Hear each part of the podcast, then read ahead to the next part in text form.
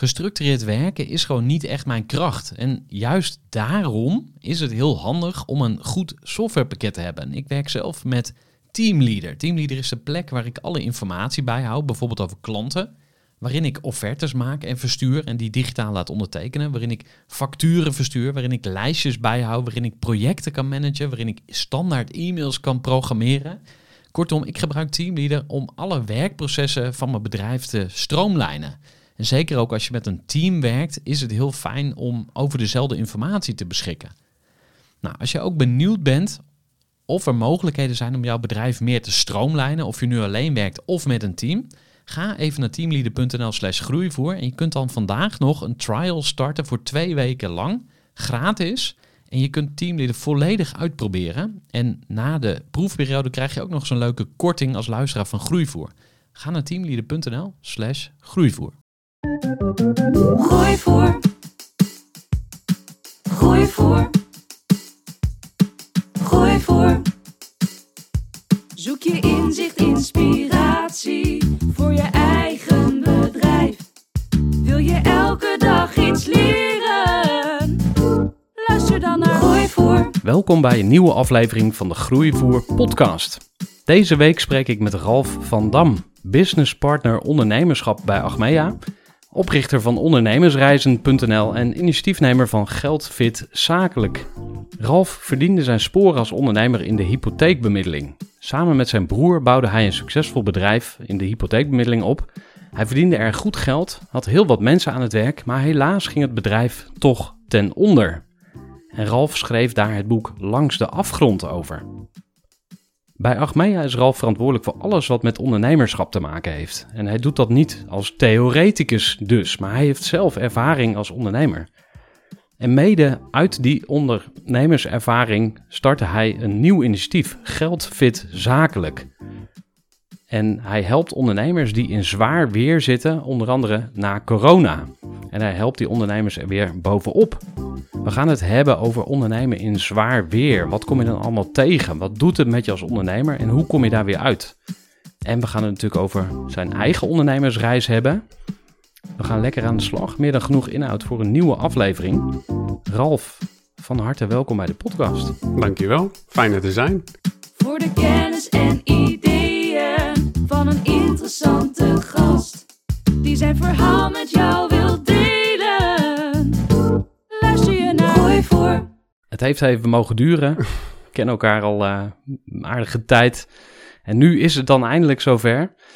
De tijd is er rijp voor, denk ik dan maar. Ja, we zijn Ja. hier uh, nou, misschien niet op je geboortegrond, maar je hebt hier ook wat, wat roots liggen. Ja, Dus zeker. uh, daar eens even beginnen. Ja, Utrecht. Ja, Utrecht mijn stadje, zou ik bijna willen zeggen. Maar ik ben er geboren en getogen.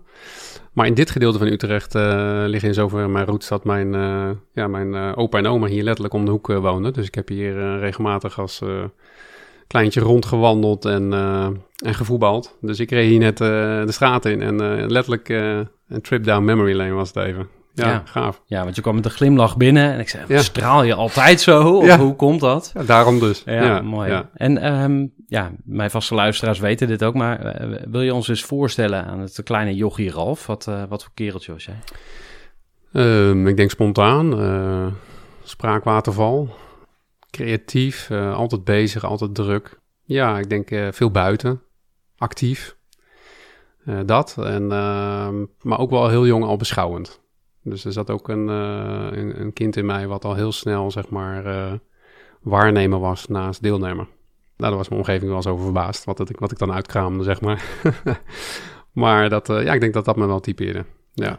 Eh, als je kijkt naar je jeugd, zeg maar, zie je dingen waarvan je, als je nu terugkijkt, denkt van, oh ja, logisch dat ik daarna ondernemer ben geworden. Het het zat er al in, of is dat te ver gezocht? Nou, bij mijn ouders zelf zat niet echt het ondernemersbloed. Je zou bijna kunnen zeggen wel uh, wat meer risicomijdend en wat voorzichtiger.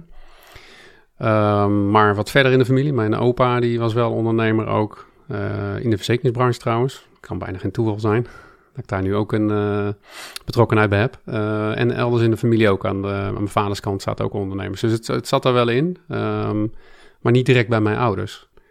Maar ik denk vaak ook wel eens van... Kijk, als je natuurlijk in een nest geboren wordt waar ook wel eh, het omgekeerde het geval is. Hè? Dus wat voorzichtiger, wat uh, risicomijdender en dergelijke. Dat je natuurlijk ook het tegenovergestelde kan ontwikkelen.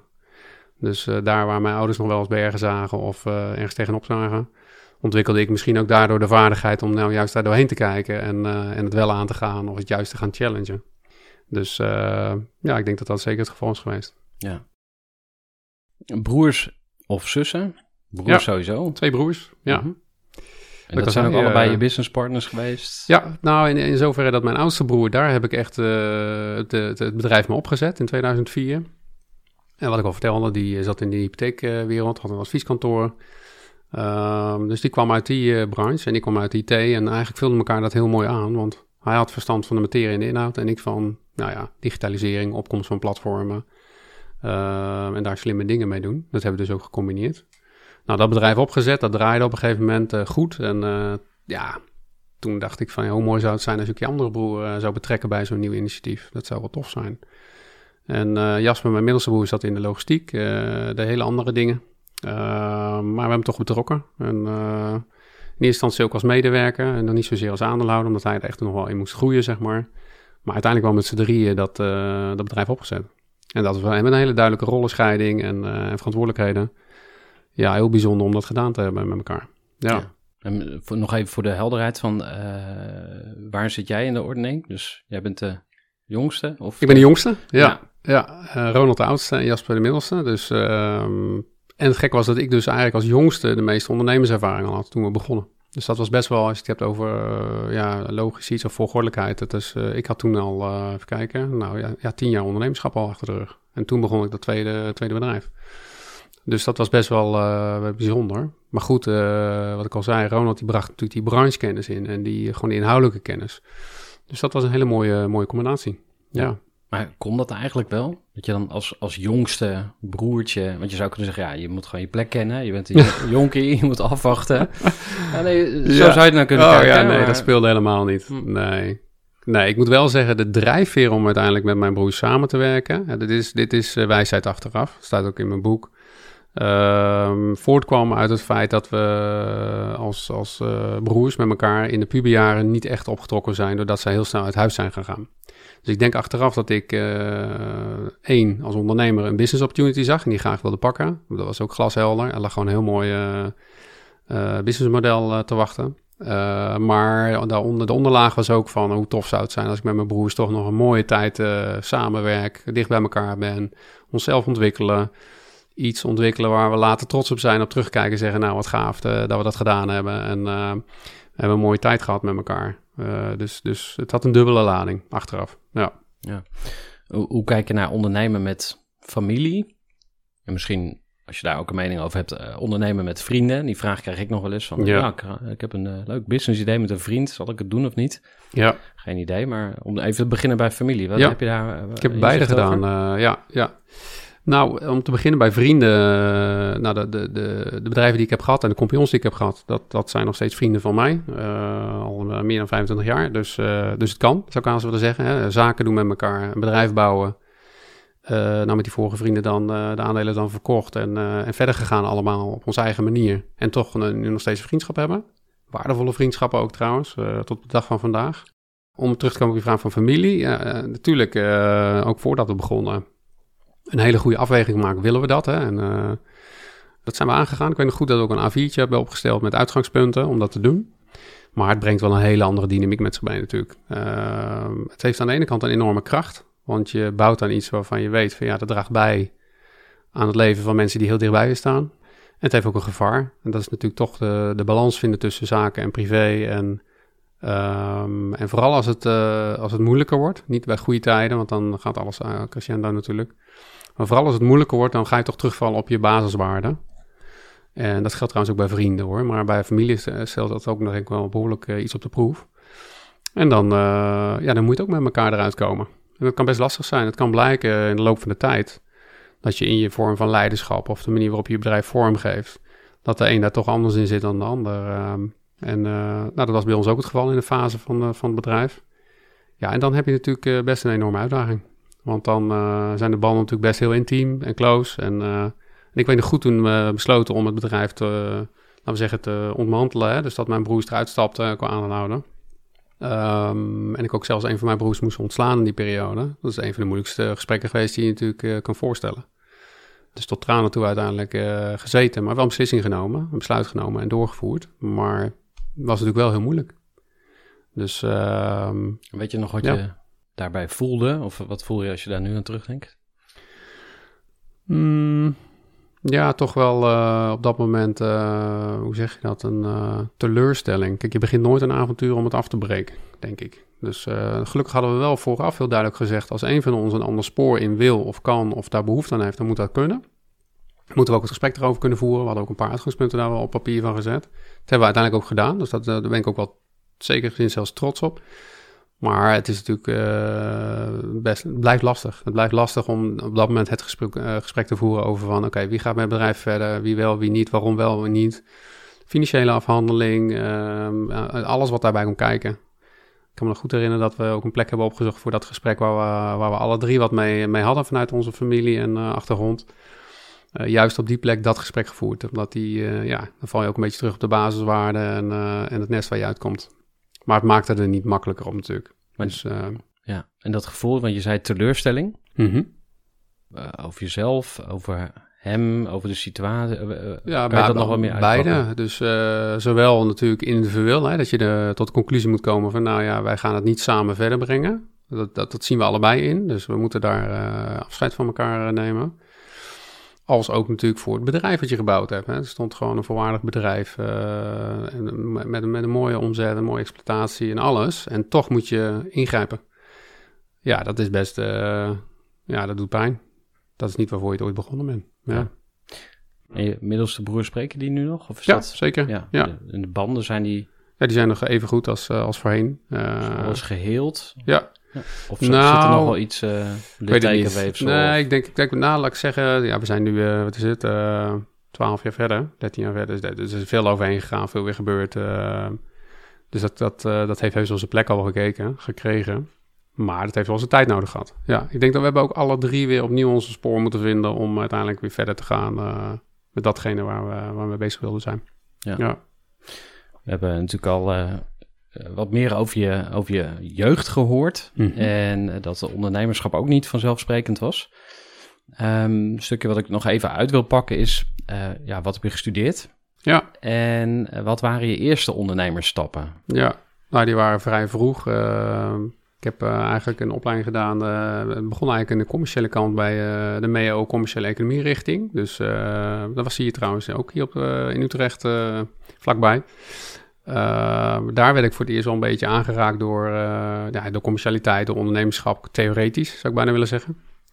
Maar ik deed al vrij snel daarnaast, eh, uh, ja, zeg maar, ja, had ik een business daarnaast op allerlei manieren. Ik was vrij handig met computers, dus moet je even teruggaan naar de jaren 80 natuurlijk, begin jaren 90.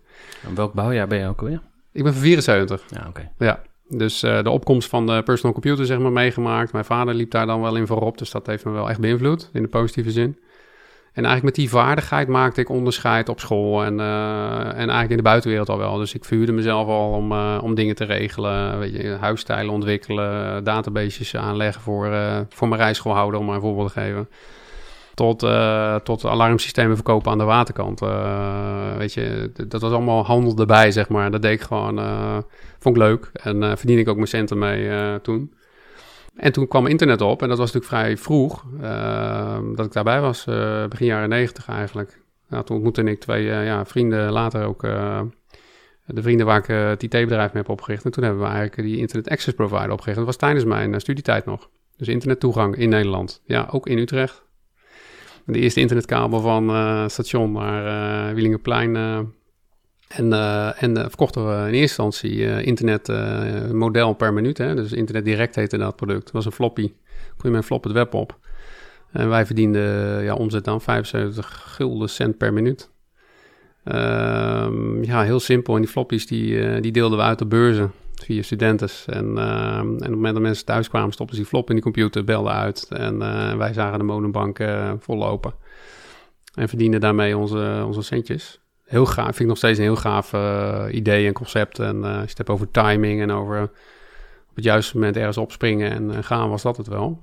Het was alleen wel een hele korte levenscyclus. Maar goed, als student was het wel gaaf. Daarna kwamen de abonnementen natuurlijk. Dus Planet Internet, Explore, Euronet. Dus dat, dat businessmodel, dat kalfde snel af. Terwijl we het eigenlijk net op tijd verkocht, ook aan een, uh, aan een automatiseringsbedrijf. Als jonge honden. Maar dat was wel de aftrap van het ondernemerschap echt. Want vanaf daar heb ik eigenlijk daarna alleen nog maar eigenlijk andere activiteiten ook opgebouwd en andere bedrijven ontwikkeld. Dus het is een hele belangrijke opstap geweest. Maar dat ondernemen, dat zat er dus al echt heel jong in, in allerlei varianten. Ja. ja. Had je in de quote kunnen staan? Ja, zeker. Um, maar die boot is ook meerdere keren gewoon voorbij gekomen en heb ik ook voorbij laten gaan. Ja. Wat voor momenten? Neem ons eens mee. Ja, nou een paar keer, maar uh, één moment wat me wel echt bijstaat is uh, 2008, uh, voor de Lehman Brothers crisis. Dus toen zaten wij met dat hypotheekplatform in de hypothekenbusiness. Hypotheken gingen sky high toen. We hadden een enorme goede portefeuille met klanten in de bankenwereld en in de tussenpersonenwereld. En, en een van die banken die, die wilde een overname doen. Waar we vrij, uh, waar we ook vrij ver in. Boden ook een bedrag. En ik weet nog heel goed dat we dat gewoon afgewezen hebben. en achteraf denk ik, ja, waarom eigenlijk? En misschien hadden we wel op dat moment gewoon moeten doorpakken. En, maar dat deden we niet. We dachten dat er meer in zat. We dachten dat het moment niet goed was.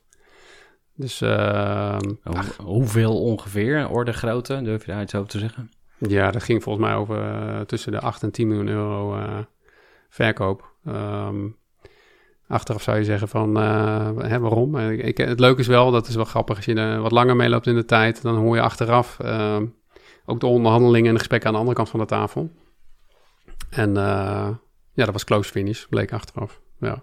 En wat, wat houdt het in, close finish? Het had je was er bijna of zo? Ja, precies. Je was er gewoon, uh, ja, als je ja had gezegd, je had gewoon de due diligence door laten gaan, dan, uh, dan, dan was het gewoon doorgegaan en dan was het uh, gedaan zaak geweest. Ja, en maar ja. Weer terug naar de reflectie. Wat, wat, neem je er nog een les uit mee of zeg gewoon ja, bad luck of...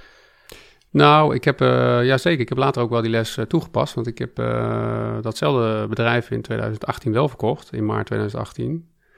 Um, en daar, daar maakte ik niet dezelfde fout. Toen kwam er iets langs en toen dacht ik, oké, nou, eh, nou is het klaar. En, en nou is het ook gewoon beetpakken, inpakken, strikt erom en weg ermee. Om maar even zo te zeggen.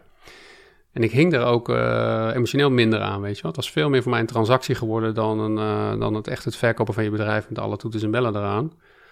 Met ook wel een emotionele lading. En die zat er heel duidelijk in 2008 nog wel op. Dat, uh, dat heeft echt wel verschil gemaakt. Dus uh, in die zin de les geleerd van ja, die trein komt niet elke dag voorbij. Als die voorbij komt, nou, dan moet je misschien wel pakken en, en dan weer verder kijken. Ja, en is dat moeilijk, afscheid nemen? Ja, zeker. Um, ja, afscheid nemen kan natuurlijk op twee manieren, vrijwillig en gedwongen. Ik heb het allebei meegemaakt. Vrijwillig is natuurlijk makkelijker. Uh, sterker nog, toen ik in 2018 dat verkocht en, uh, en ik wegreed daarvan, ik weet nog heel goed, stonden de tranen in mijn ogen. Maar dat was niet omdat ik alleen maar zo blij was. Maar ook omdat ik daarmee ja, schade die ik had opgelopen in de loop van het jaar kon goedmaken. Weer nieuw perspectief had. Weer vermogen had om, om te gaan ondernemen op andere manieren. Dus, um, dus het bracht mij veel meer dan dat. Het was ook een soort uh, slotstuk van een hele lange periode waarin ik diep heb moeten gaan om weer boven te komen drijven. En dat maakte me trots. En, maar ik realiseerde me ook van, ja weet je, dit is een soort tweede kans. En die moet je pakken. En, uh, en, en, met het vermogen wat je nu weer hebt, uh, moet je gewoon goede en slimme dingen gaan doen. Ja. Even een korte onderbreking met een belangrijke vraag aan jou. Want wat heb jij geregeld voor het geval je van de ene op de andere dag zou komen uit te vallen? Wat gebeurt er dan met je bedrijf, maar vooral wat gebeurt er met jou persoonlijk en ook in financieel opzicht? Samen met ASR voerde ik drie openhartige gesprekken over tegenslag en veerkracht. En dat deed ik met Saskia, Vincent en Pieter. Ondernemers met een bloeiend bedrijf die van de ene op de andere dag niet meer konden werken. En die verhalen hoor je in aflevering 256, 257 en 258 van deze podcast. Als ondernemer wil je natuurlijk niet uitvallen. En daarom is het belangrijk dat je veerkrachtig bent, want voorkomen is beter dan genezen. En als het dan toch misgaat, is het fijn dat je iets geregeld hebt, zodat je weer snel door kunt met ondernemen. Wil je weten hoe veerkrachtig jij nu bent? Vul dan in twee minuten de veerkrachttest van ASR in. Ga naar asr.nl slash veerkrachttest ondernemers.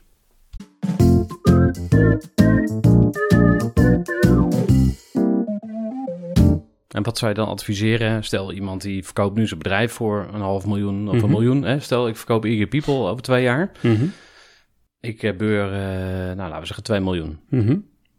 Niks doen. Vertel. Eerst niks doen. Oké? Ja, ik zou sowieso eh, even pas op de plaats maken en, eh, en, en bezinnen van... Hey, eh, dit staat nu wel op mijn rekening, maar eh, wat wil ik er nou echt mee doen? Welk doel wil ik het geven? En, eh, en wat vind jij belangrijk? Want ehm, ja, je kan wel meteen weer het volgende avontuur inspringen, maar eh, dat wil niet altijd zeggen dat het een goede stap is.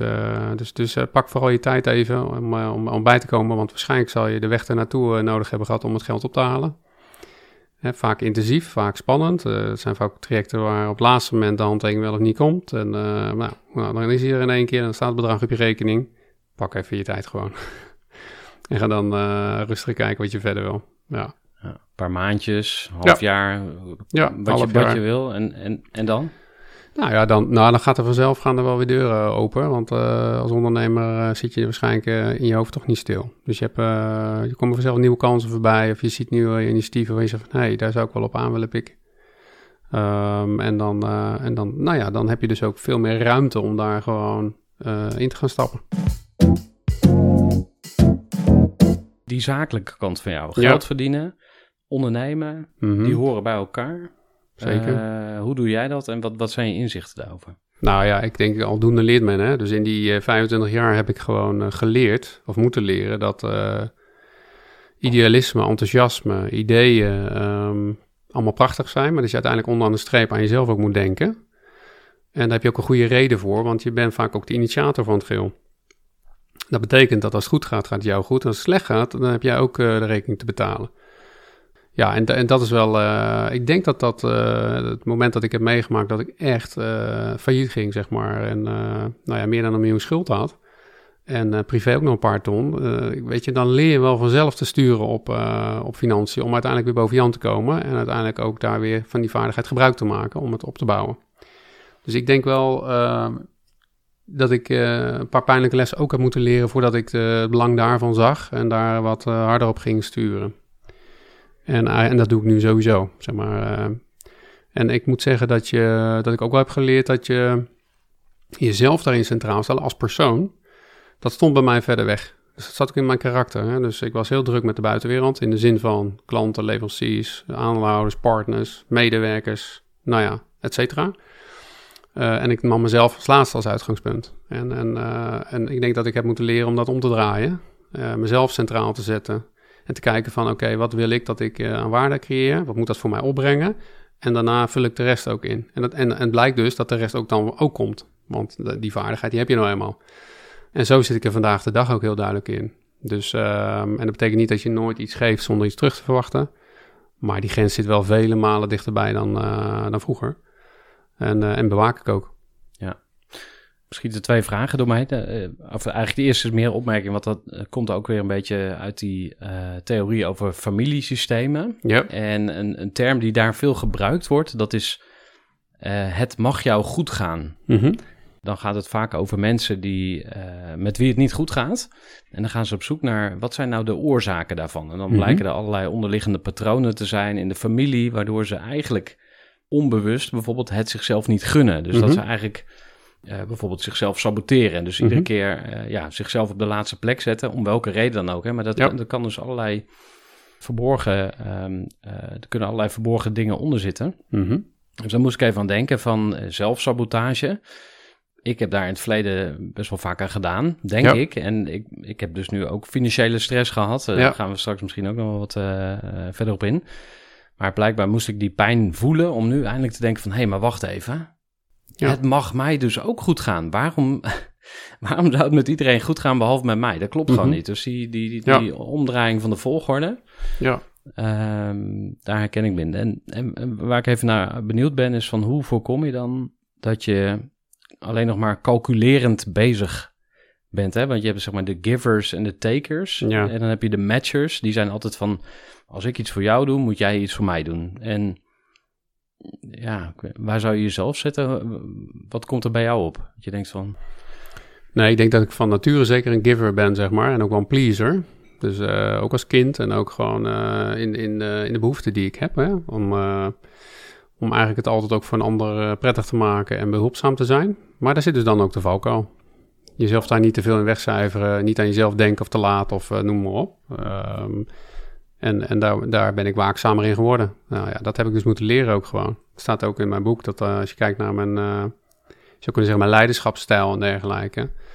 eh, dat ik daar ook wel, denk ik ook achteraf in, in de situatie die is ontstaan. hoe zeg je dat? De, de consequenties van heb ervaren. Ja, maar dat, dat duurt natuurlijk even als je gaat reflecteren op wat je meemaakt. En je denkt, hé, hey, wat is mijn rol erin geweest? Nou, die heb ik natuurlijk wel degelijk gehad. Zoals je in alle situaties een eigen aandeel hebt. En dat aandeel zat bij mij ook wel daar. Ja, en daar leer je van. En, en nu eh, voorkom je dat of ben je er scherp op bij jezelf. Ja. Ja. En wat is gebeurd dan? Je omschrijft het een beetje abstract, maar... Nou ja, in je leiderschap bijvoorbeeld in eh, jezelf niet op de eerste plaats zetten. Eh, het, ik, ik kom het ook veel tegen in het mentorschap en het coachen van ondernemers en begeleiden. Dat ze heel druk zijn met hun omgeving, behalve met hemzelf, met hunzelf. Ze nemen geen tijd om zichzelf te ontwikkelen of eh, zichzelf op de eerste plek te zetten om te kijken om het goed voor elkaar te hebben voor jezelf. Dan kan het zo zijn dat je een geweldig bedrijf hebt eh, en dan gaat het allemaal eh, prima en crescendo. Maar op het moment dat het dan niet goed gaat, ja, wie betaalt dan eh, de rekening en heeft de, de wrange vruchten? Ja, dat is de ondernemer.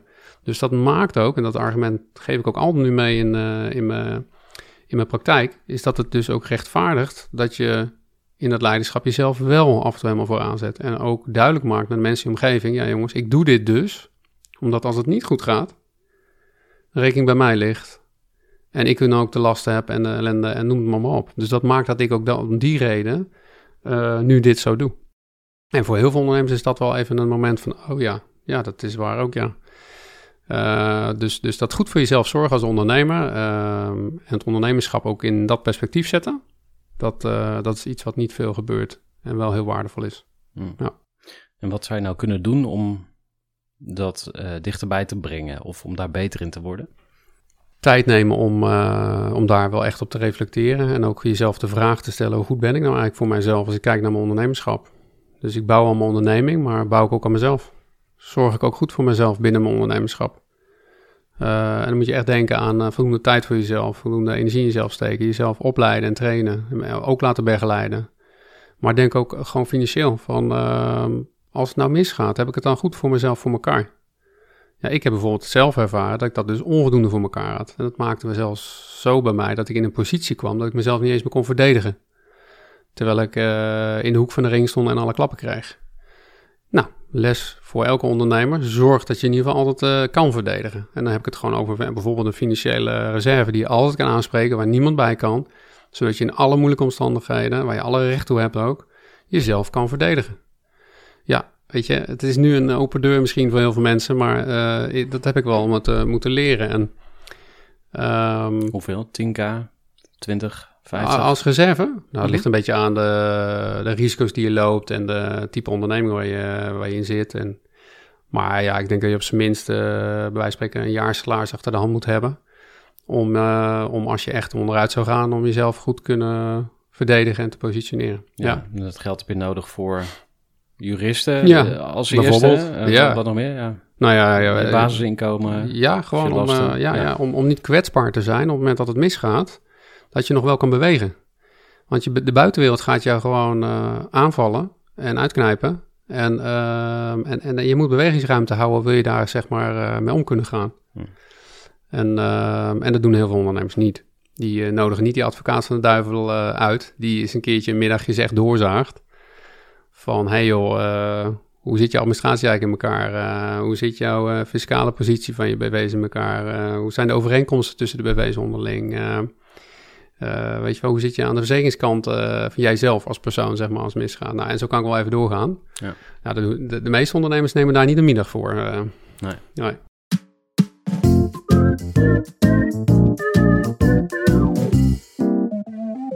We gaan eh, even de eh, volgende versnelling in naar het faillissement. Ja, Ja. dat is misschien toch heel, eh, heel erg to the point. Maar je hebt een boek geschreven, Langs de Afgrond, waarin je je ondernemersreis vertelt. En oh ja, ook hoe het misging. Ja. En daar heb je vast een soort ja, verhaal bij, hè? want het is gewoon inmiddels eh, ja, geschiedenis. Ja. Dus wil je ons dus eh, meenemen in die geschiedenis en dan ja, mogelijk ook de, de learnings. En dan slaan we ook de brug naar ondernemen in zwaar weer? Want daar hebben we het net ook in het voorgesprek over gehad van... hey, eh, ondernemen is niet altijd makkelijk. Je kan nogal onder druk komen te staan, ook financieel. Mhm. Je hebt ook Geldfit zakelijk opgericht. Ja. Hè, dus we gaan zo langzaam vanuit jouw eigen eh, financiële pijn, eh, een succesvolle exit. En toen Mhm. kwam er een, een, een, heel, een heel diepe dal. Ja, En daarna heb je daar ja, min of meer werk van gemaakt. ja. Ik weet niet of dit een vraag is, maar ik denk dat je er wel mee uit de voeten kan. Ja. Nou ja, kijk, eh, je zou kunnen zeggen, ehm, het visement van mijn bedrijf eh, kwam in die zin uit, uit de lucht vallen. Als ik het kort samenvat, eigenlijk eh, was mijn bedrijf te veel afhankelijk geworden van eigenlijk van twee dingen. Eén, van een grote klant, die meer dan van de omzet voor zijn rekening nam. En die klant was tevens financier van het bedrijf. En het ging echt om een bedrijf waar media spend in zat van een half miljoen per maand. Dus dat is echt serieus groot. Ehm, in de energiemarkt ehm, waren we eigenlijk wel koploper geworden eh, bij het oversluiten van je energie. En we hadden dusdanig groot eh, belang gecreëerd bij de partij waarvoor we dat deden. Het verkoopkanaal werd heel dominant, dat eigenlijk eh, die partij ook eh, zou kunnen denken van ja, we willen het verkoopkanaal in handen hebben. Dan kan je dat op een vriendelijke manier doen, op een prettige manier, of je kan het vijandig doen. Hè? Dus, eh, nou, kort samengevat, dat hebben zij vijandig gedaan. De details, eh, zou ik zeggen, kopen boek. Ehm, maar het kwam er wel op neer dat eh, een deel van mijn personeel werd weggekaapt, financiering werd stopgezet. Ehm, en ze, ze ja, probeerden het bedrijf failliet te trekken. Om het uiteindelijk bij de curator op te halen tegen een lagere inkoopsprijs. Kort samengevat. De waarde van dat bedrijf was heel groot. De waarde zat met name in de database. Zat eh, even uit mijn hoofd, toen, ja, het is wel even geleden, maar eh, ja, zo'n 800.000 con- consumenten in. Er zaten iets van 30.000, 40.000 contracten in, energiecontracten. Nou, een contract tegenwoordig al helemaal. Eh vertegenwoordigt een eh, paar duizend euro per huishouden, maal eh 40.000, reken maar uit. Het ging echt om eh, serieuze bedragen en belangen. Nou ja, eh dat bedrijf kwam in zwaar weer daardoor. Eh, ik heb nog een paar maanden echt proberen overeind te houden, te verkopen, eh, terug te saneren naar het niveau waarop het eh, levensvatbaar zou zijn. Maar dat was echt eh, niet te doen. Een bataljon advocaten eh, eh, erop, zeg maar. En uiteindelijk heb ik het failliet moeten verklaren. Ik heb het zelf failliet eh, laten gaan. En toen dacht ik eerlijk gezegd, dat was redelijk naïef. Ik heb dat ook wel op andere plekken verteld. Dat je denkt van, nou ja, het recht zal zegevieren. Hè? Je, je gaat het faillissement in en dan... eh, ik had er geen ervaring mee als ondernemer. Dan was ik natuurlijk al even onderweg. Maar dan kom je in een heel ander speelveld. Echt een heel ander speelveld. Met andere regels, andere spelers. En, eh, en dat, eh, ja, nou ja, le- les 1 is, hè, verdiep je daar eens in als je denkt dat het die kant op gaat. Dus eh, insolventierecht en alles wat je, wat je kan doen op het moment dat je ziet dat je bedrijf gaat glijden, moet je echt op tijd gaan voorsorteren en je inlezen. En, eh, en zorgen dat je capabele mensen naast je krijgt. Die voor jouw belang opkomen. Dus eh, nou ja, het bedrijf ging onderuit. ehm, en uiteindelijk eh, bij de curator heeft die energiemaatschappij het bedrijf opgekocht. En tot op de dag van vandaag is dat onderdeel van dat bedrijf. Ja, het was pijnlijk. Hè? Er waren meerdere dingen pijnlijk. Eén, je verliest je bedrijf. Dat is natuurlijk al, al iets. Een, een goed lopend bedrijf met, met een goede positie. Wat natuurlijk nog pijnlijker was, dat natuurlijk een aantal eh, medewerkers daar wel een rol in hebben gespeeld. Dat vond ik eigenlijk zelf nog wel de meest pijnlijke kant van het verhaal. Eh voelde toch als een soort mes in je rug. Ja, en daarna eh, in die hele afwikkeling van het faillissement, dat spel wat daar dan gespeeld wordt om uiteindelijk de belangen een plek te geven, ja, dat is natuurlijk ook wel heel heftig. Dan voel je echt wel speelbal van, speelbal van, van alle partijen die op dat moment aan je trekken. Dus ehm, daar wel uitgekomen. Uiteindelijk heb ik gekozen voor een finale afwikkeling, zoals dat zo mooi heet. Dus eh dat komt er eigenlijk op neer dat je afstand doet van je bedrijf. Eh, de schuldpositie die er dan is, eh, tot je neemt. En daarna met niks achterblijft. Daar komt het eigenlijk op neer. Dus je le- levert eigenlijk privé en zakelijk al je vermogen in. En daarmee wikkel je het af, zou ik maar even zeggen. En daar heb ik voor gekozen. maar We hadden het net over. Welke prijs betaal je nou voor je ondernemerschap? Daar heb ik voor gekozen. Omdat ik inzag dat het een... Ja, hoe zeg je dat? Een slopende strijd zou worden. Waar eigenlijk geen winnaars uitkomen. Waarbij eh, ik niet de diepste zakken heb en langs de adem. Als individu. En ik maximaal onder druk werd gezet natuurlijk. Eh, en, en die andere partij eigenlijk alle tijd had, alle geld, alle juridische eh, middelen. En, en het een verloren wedstrijd zou zijn op termijn. En ik wilde die rekening niet betalen, want dan zou ik privé, zou ik daar echt wel de rekening voor betalen. En dat wilde ik niet. Ja, hoe kom je dan het faillissement uit? Nou ja, met veel schulden en een enorme achterstand. En dan succes.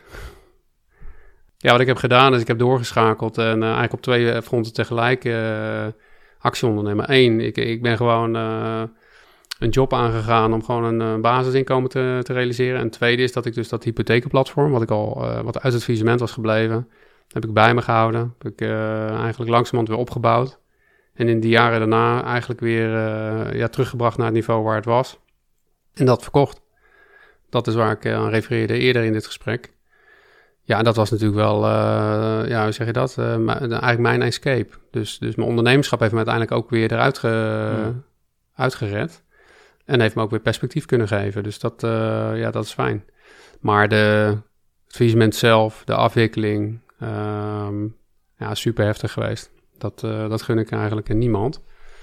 Ten meer omdat je gewoon ziet uh, dat het niet alleen maar invloed heeft op je onderneming en op je medewerkers en op jou als ondernemer, maar natuurlijk ook op je privé situatie.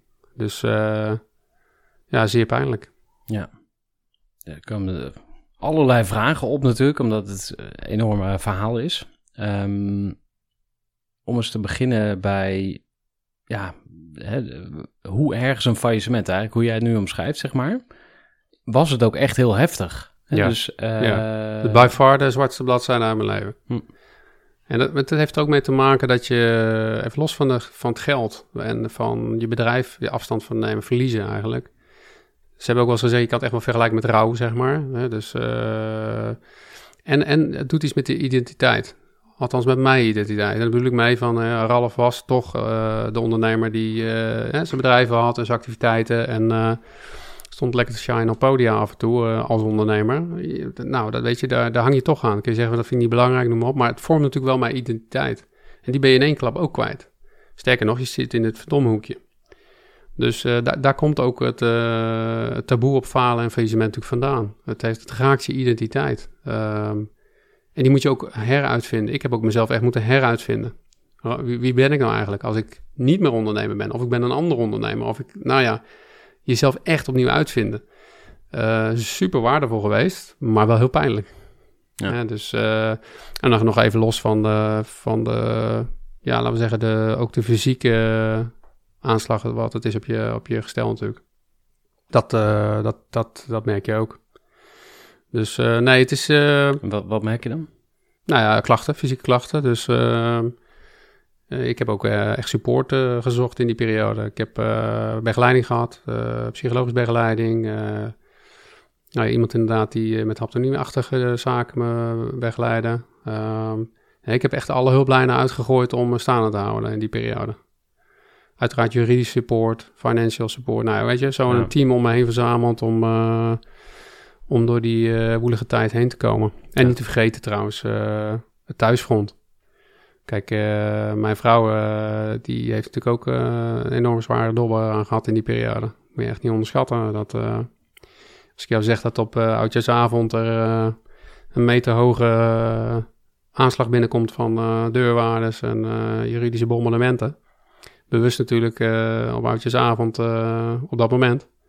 Ja, dat doet wat met je. Dat doet wat met je gevoel van veiligheid, van ja, wat staat me nog te wachten, weet je wel. Dus ja, dat is heftig. Dat is, dat is ook een soort van psychische druk die je niet kan voorstellen totdat je erin zit natuurlijk. Zo'n ja. slechte film. Ja, want dat, eh, ik, ik, ben de afgelopen tijd hier ook mee bezig geweest. We hebben bij IG People eh, behoorlijk last gehad van corona. We ja. raakten 70% van de omzet kwijt. Toen kregen we anderhalf, twee jaar lang kregen we subsidie. En uh, vanaf april dit jaar was de subsidie in één keer verdwenen. Ja. Nou, niet in één keer, maar hè, dat houdt een keer op. En uh, wij dachten, nou, dat trekt wel bij, maar dat trok niet bij qua, qua omzet. Dus uh, wij hebben nu heel hard ingegrepen in de kosten, waardoor ja. het er nu op lijkt dat we het gaan redden. Mm -hmm. Uh, ja, we zitten echt alweer op het, op het goede spoor, maar het was heel spannend. Mm -hmm. En dan zeggen mensen van, ja, maar faillissement is toch niet zo erg, want in Amerika vinden ze het juist stoer en zo. Hè? Dus de, daar was ik ook een beetje naar op zoek van, ja, dat klinkt dan weer alsof het, die mensen bagatelliseren het misschien een beetje van, uh, het stelt niet zoveel voor. Ja, ja, ik heb laatst ook een column over geschreven, dat eigenlijk, uh, op de, kijk, op de op de opleidingen dan leer je van, ja, weet je, failliet gaan en bestuurlijke aansprakelijkheid, dat is allemaal ver van je bed. Dat gebeurt niet zomaar. Terwijl de praktijk echt de omgekeerde is. Als je failliet gaat, dan uh, is het eerste wat je naar grijpt, is bestuurlijke aansprakelijkheid. Om maximaal natuurlijk uh, eruit te kunnen halen. En En het andere is dat eh, de meeste mensen die zeggen, ja, visement is stoer, weet je, ja, dat zijn dan de mensen die misschien bewust een visement zijn aangegaan, voorbereid hebben en, uh, en, en nou, willen zeggen, te kwade trouw en doorstart willen maken. Zo komt het ook altijd in het nieuws, hè? Dat, uh, dat is ook wel zo bijzonder. Terwijl natuurlijk ook heel veel bedrijven zijn en ondernemers zijn die wel degelijk in zwaar weer zitten. langs, mijn titel komt niet van niks daar vandaan, langs de afgrond gaan. Nou, jij spreekt heel veel ondernemers. Als je langer onderneemt, ga je allemaal een keer langs de afgrond. Wie ook spreekt, allemaal maken ze een keer mee dat het gewoon een kantje boord is. En dat hoort er dus ook bij. Dus uh, ik vind het al een beetje stoer gepraat. Kijk, in Amerika ben je een seasoned entrepreneur. Nou, dat geloof ik wel. Hè? Als je natuurlijk een keer door dat dal heen bent gegaan, ja, lessons learned. Uh, als jij nu advies wil over wat betekent om in zo'n fase terecht te komen, ja, dan kan ik je echt wel vertellen wat je ongeveer op je afkrijgt en waar je op moet letten. Dus dat is natuurlijk wel zo. Je, je snapt dat gedeelte van het speelveld van ondernemerschap dan ook. Um, en dus veel meer ook naar, kijk je naar continuïteit in plaats van alleen maar naar groei. Terwijl je toch wel ziet dat in de wereld van ondernemerschap vaak groei centraal staat. Terwijl ja, je leert uh, dat wel in de boeken, dat continuïteit eigenlijk de basis is van elke onderneming. Dus daar is wel balans in gekomen bij mij.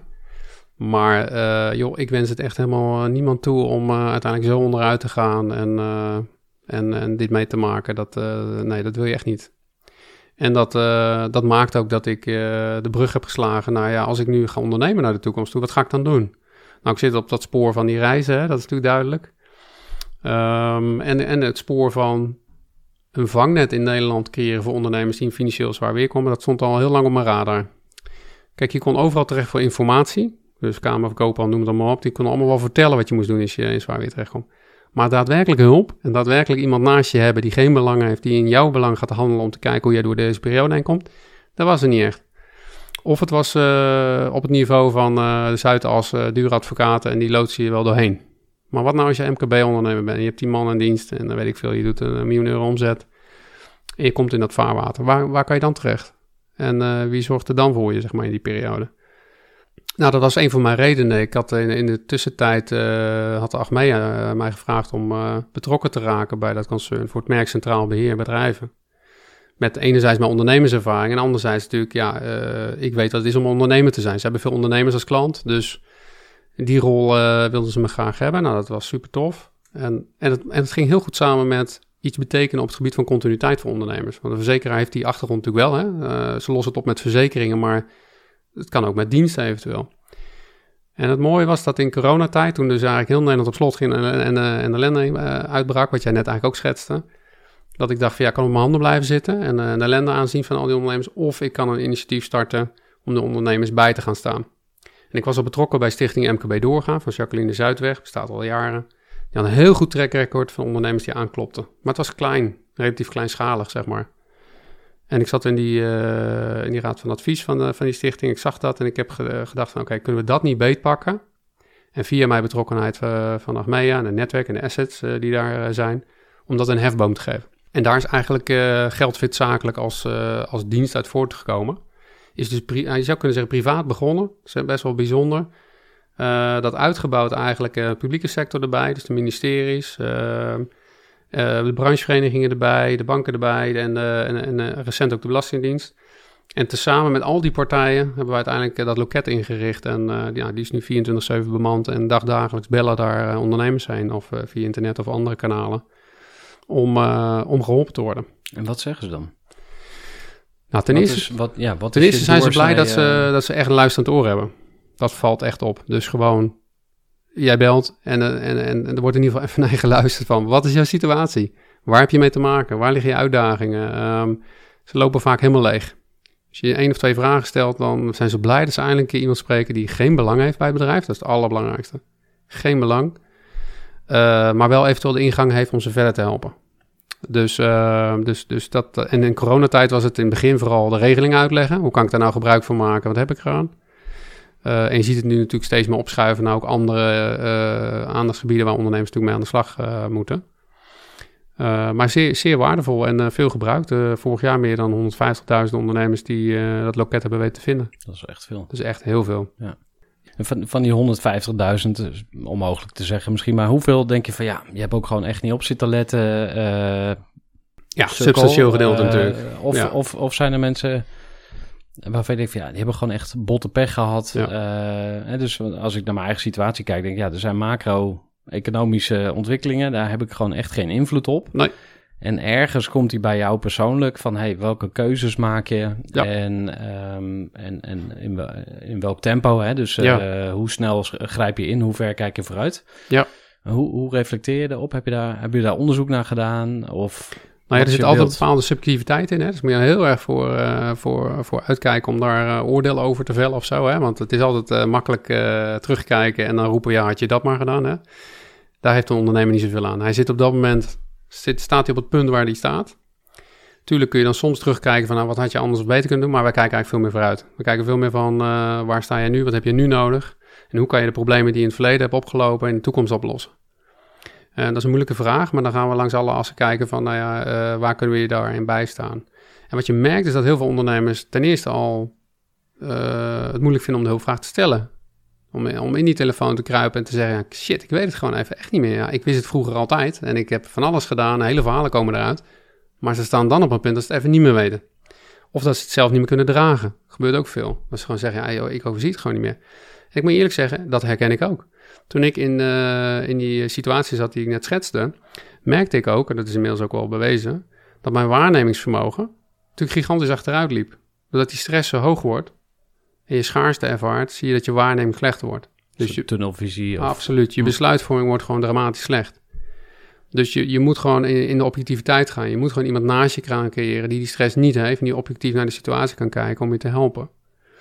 Eh, dus dat herken ik heel erg. En dat vervult die, die, eh, dat portaal zeg maar ook eh, wat dat betreft.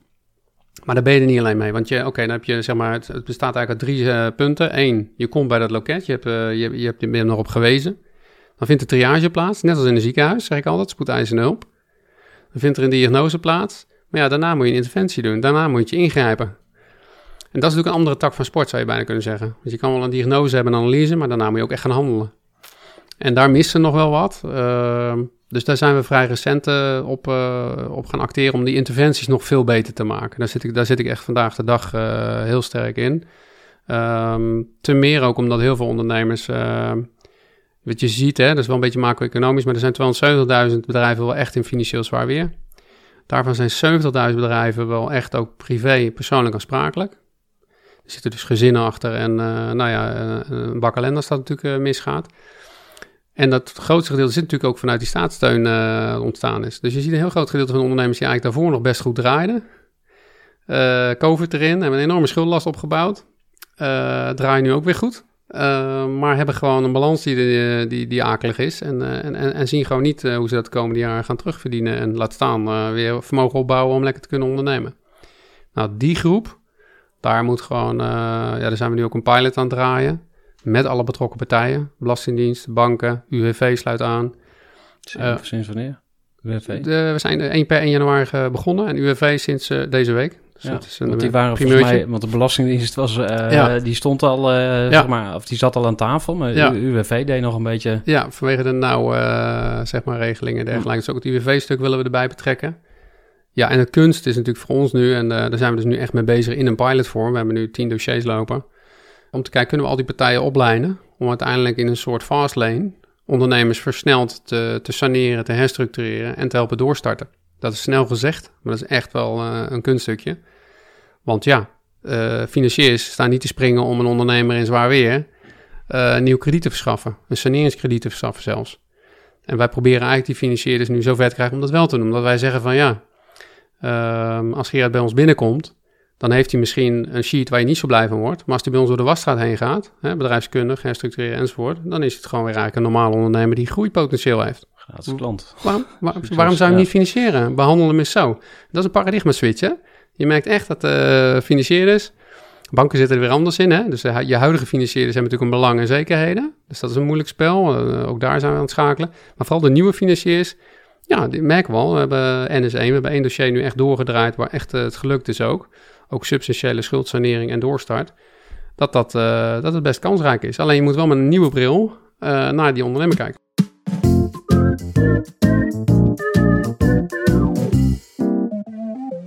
Ja, je hebt ons veel meegegeven over uh, ondernemerschap, over wat er goed kan gaan en hoe succes en glorieuze momenten eruit zien. Ook ja, over hoe het voelt en hoe het is om, om echt heel diep te gaan.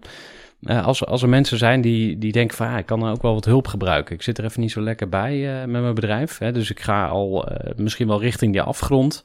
Of hè, misschien kent iemand wel een ondernemer. Waar, waar kunnen ze terecht? Ja, dat is wel mooi, die laatste. Iedereen kent een ondernemer waar het niet zo goed mee gaat. Ah, Merk ik me. altijd. Ja, ja, dat ja. Waar kan die terecht, die vriend? Ja, en dan zie ik de aanvraag binnenkomen. Maar goed. Ehm, Nou, schaamte, ja. Ja, schaamte. En dat is ook de reden waarom ik het boek heb geschreven. Ehm, nee, ik, ik zou zeggen, ten eerste, eh doe het op tijd. Dus wij zien toch wel eh, bij het loket ook van Geldfit dat het vaak te laat komt. Dus eh, tien over twaalf, kwart over twaalf, veel te laat. En ingrijpen eigenlijk te laat is om nog een, eh, een goede doorstart te kunnen maken. Dus als je nou ziet dat je bedrijf een glij- op een glijbaan zit... Ik snap dat je als ondernemer opportunistisch en creatief bent, maar wees realistisch. Laat gewoon iemand er nog een keer die objectief naar kijken en dan moet je op tijd ingrijpen. Nou, wat kun je dan het beste doen?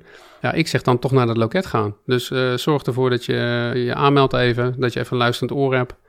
Dat je even een goede triage krijgt van waar, nou, waar sta je nou? En daarna kan je alsnog bepalen van wil ik daar nou gebruik van maken of niet? Is het kansrijk of niet? Dus kijken, we denken met je mee. En dan, eh, dan is het aan jou nog als ondernemer, je staat nog steeds aan het roer, eh, of je er wat mee wil doen, ja of nee. Dus eh oproep is op tijd. En het andere is geldfit gewoon letterlijk raadplegen. Ja, Ja. kost niks. En het kost niks. Nou, Ja. onbelangrijk. Ja, dat is Ja. ook een goeie. Het is inderdaad gratis. Mooi. Wa- wat gaan we van jou nog verwachten? Nieuwe boeken, nieuwe bedrijven? Ik bedoel, ik geloof niet dat het ondernemersvuurtje helemaal... eh, of, nou, die is niet uitgeblust. Nee, zeker niet. Dus wat, eh, wat zou je nog graag willen doen? Nou, ik denk, eh, mijn eerste doel nu is die interventie te ontwikkelen. En dat zie ik als een onderneming en als een entiteit die levensvatbaar moet zijn zelf. Om de ondernemers met die enorme belastingsschuld en die nauwschuld en dergelijke door te kunnen starten. Dat is voor mij echt prioriteit nummer één. Dus dit jaar ook moet dat levensvatbaar worden. Dus dat, dat is echt een activiteit die bij mij nou eh, op stipt op één staat. Ja, een boek schrijven. Nou, eh, ik heb nog wel wat ideeën. En Met name dat, eh, die Twilight Zone tussen corporate en MKB vind ik heel interessant. Dus daar het spanningsveld op zoeken. En nou ja, laten we zeggen wat memorabels optekenen. En eh, daar zie ik nog wel wat zitten. Dus eh lijkt me wel leuk. Heb je al een werktitel? Nee, nog niet. Nee. Maar wat, wat leer je als je dat boek leest? Nou, je leert eigenlijk mekaars wereld kennen. Dus eigenlijk, eigenlijk jouw eh, vooroordeel zou je kunnen zeggen van... eh, hè, ondernemerschap is het ultieme graal en de corporate, dat stelt niks voor. Even gechargeerd. Die twee werelden wat, wat dichter bij elkaar brengen. Van elkaar daar ook leren, want ze hebben allebei kwaliteiten natuurlijk. Kan haast niet anders. Een bedrijf wat meer dan 200 jaar bestaat, doet toch iets goed, zou je zeggen. Dus, dus eh, daar de kruisverbanden leggen, de spanningsvelden opzoeken. En ja, dat, dat, dat is zowel voor die CEO, corporate eh, management, directieachtige gasten is dat interessant. Als voor die ondernemer is het interessant om te kijken, ja, hoe eh, runt hij nou eigenlijk dat bedrijf? En hoe zorgt hij ervoor dat dat continu eh, blijft? Dus eh, ja, ik heb daar wel ideeën over, maar nou ja, even de tijd ervoor vinden om daar een keer een slinger aan te geven. Maar het zou maar zo wel kunnen. Ja. En natuurlijk de reizen uitbouwen.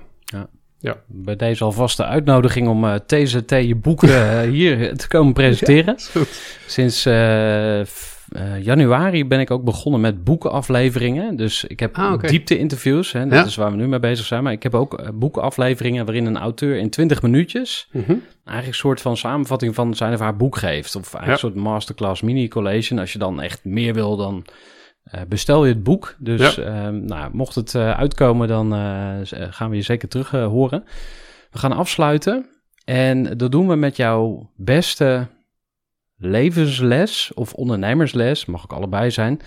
Eén Eén of twee dingen waarvan je zegt van... oké, je mag alles vergeten wat je gehoord hebt... maar neem dit mee.